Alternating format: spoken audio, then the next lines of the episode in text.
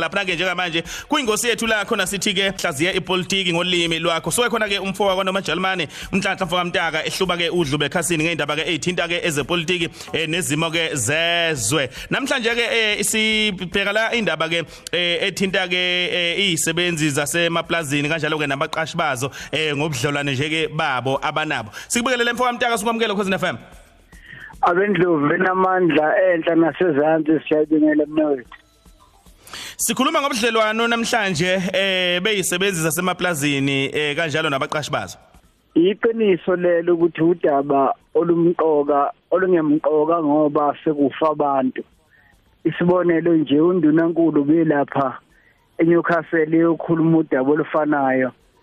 Eh umphakathi wakhona ke wakhuluma igama elikhulu lokuthi abaholi bethu bayaqaka ukuthi bathi makufa bohlanga eh kukhishwa bohlanga bebulawela impahla kuthule nje ukuthi kodwa mase ke sekwenzekela abadeshi eh namaphuma emile bese begcwala ke abeyindaba bebabazi ukuthi akungabulawa umuntu akekho kufuneka afe noma ngabe ngabadeshi amaphuma amaphuma emile noma ngabohlanga kufuneka ufe umuntu uma umholi kufuneke ubabaze enhlangothi zombili uma kwenzeka umkhuba. Nokho lokhu kutshengisa eh ukuthi lokhu kwathi inhlo udaba lobudlelwane phakathi kwabalimi nabasebenza emaplazini abukaze bukhulunywe ngeqiniso. Uhlale ukukhala ko Fryhead ngabala ko Limpopo nakhona ko Newcastle nakwezinye ingxenye zezwe ukuthi abelungu laba bayashinga babulala abantu bathatha impahla yabo bakwenze konke. Nakolunye uhlangothi abasebenzi nabo bahlangana nabantu bangaphandle kulinyazwa abalimi. Umbuzo uthi ke yini engalungiswa lapha noma yini engaxoxa ngicabanga ukuthi oqala kufanele singayikhulumi ngopolitiki siyikhulume njengento ephazamisa inhlalo yabantu abasuke bakhelene ngoba abalimi laba ngeke ba laba belungu bahlale bethi bona bakhiqiza ukudla. Iqiniso lithi kusebenza zona lezi zohlanga ngamafuphi bobabili abantu bayadingana eh abanye basuke bezalelwe kuona amaplazi lawa abazali babo kuyibona kade bethuthukisa amaplazi selokhu kwathi inhlo ukuthi mase kungena omunye umuntu omusha bese kuba eh nokukhuluma nokuxabana. Ingakho ngithi ke kumqoka ukuthi kube nokuxoxisana okungale kwepolitiki osopolitiki abayiyeke lento yokuthi uma sekufe nje umlungu oyedwa bese bekhuluma kakhulu ngoba kanjalo namaphoyisa njengoba eshilo imbimankulu eh akhona amaphoyisa eh kwezinye indawo othola ukuthi anyakaza kakhulu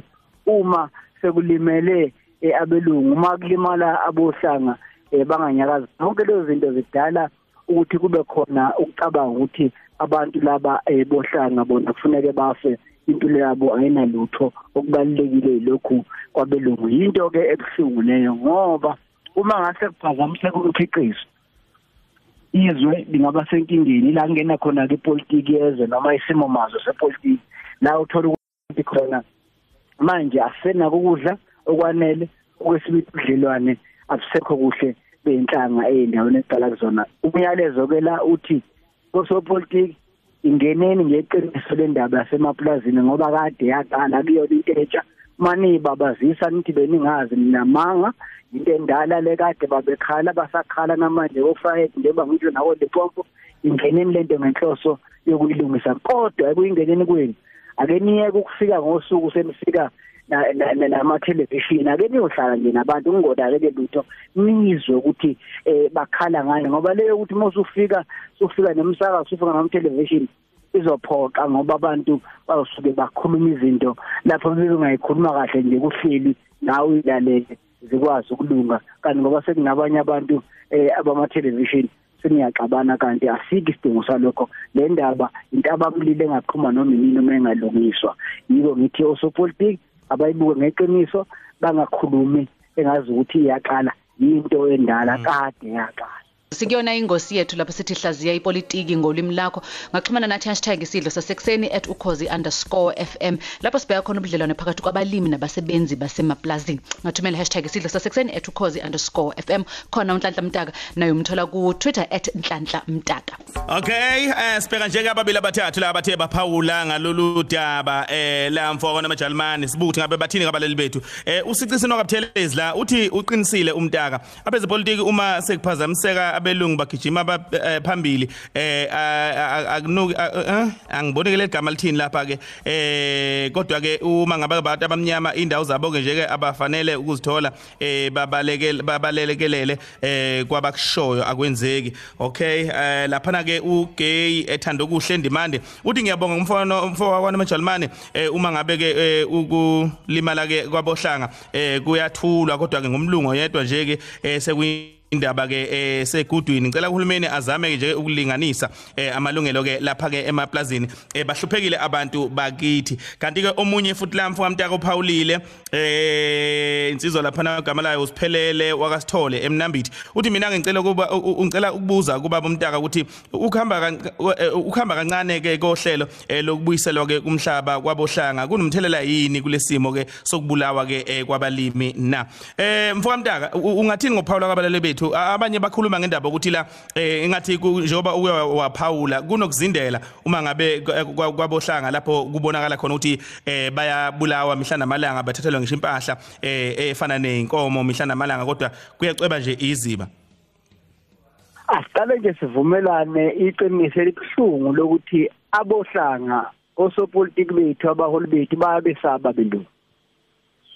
Eh ungqilo yakunakhefana bayabesaba abelungu. Uma izinto zibhekene nabelungu bayashesha ukuyilungisa. Uyabona nje mangase mfoka ngobe impilo yamatekisi ibulala abelungu abahlanu ingaphela ngeke uphinduzwe ngempi yamatekisi kuyobe sekufuna umlungu ke lapho ngoba kusafa lezakithi hayi kuzoloku kuba nemihlangano nje nezitatimende nokubabaza. Babesaba abelungu. Okwesibili abanayo indlela yokuxhumana kahle nabantu noma ngabe bangabohlanga noma ngabe ngabelungu uma kunenkinga.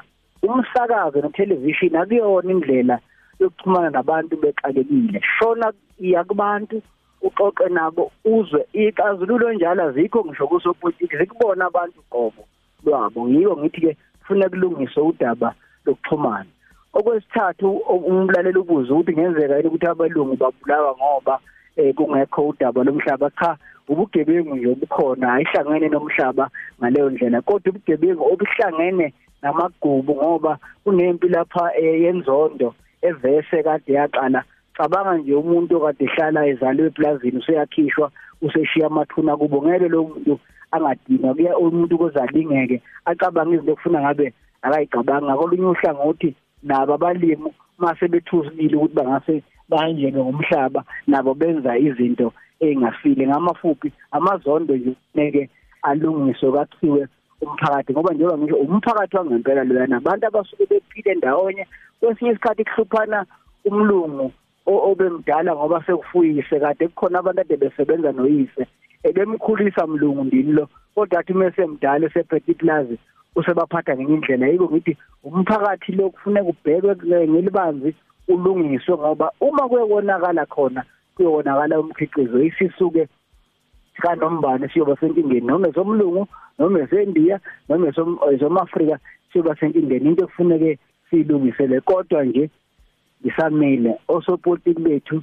akeniyeke ukuba amagwana mase kwehlela lapha kwabakwethu eh khulumani nje into miyinkinga inkinga noma iphutha lenziwe yithi bohlanga noma lenziwe ngabelungu noma ngamandiya khulumani into eqondile msana ngindiza ngoba kulomhlangano nje eh kade useNewcastle.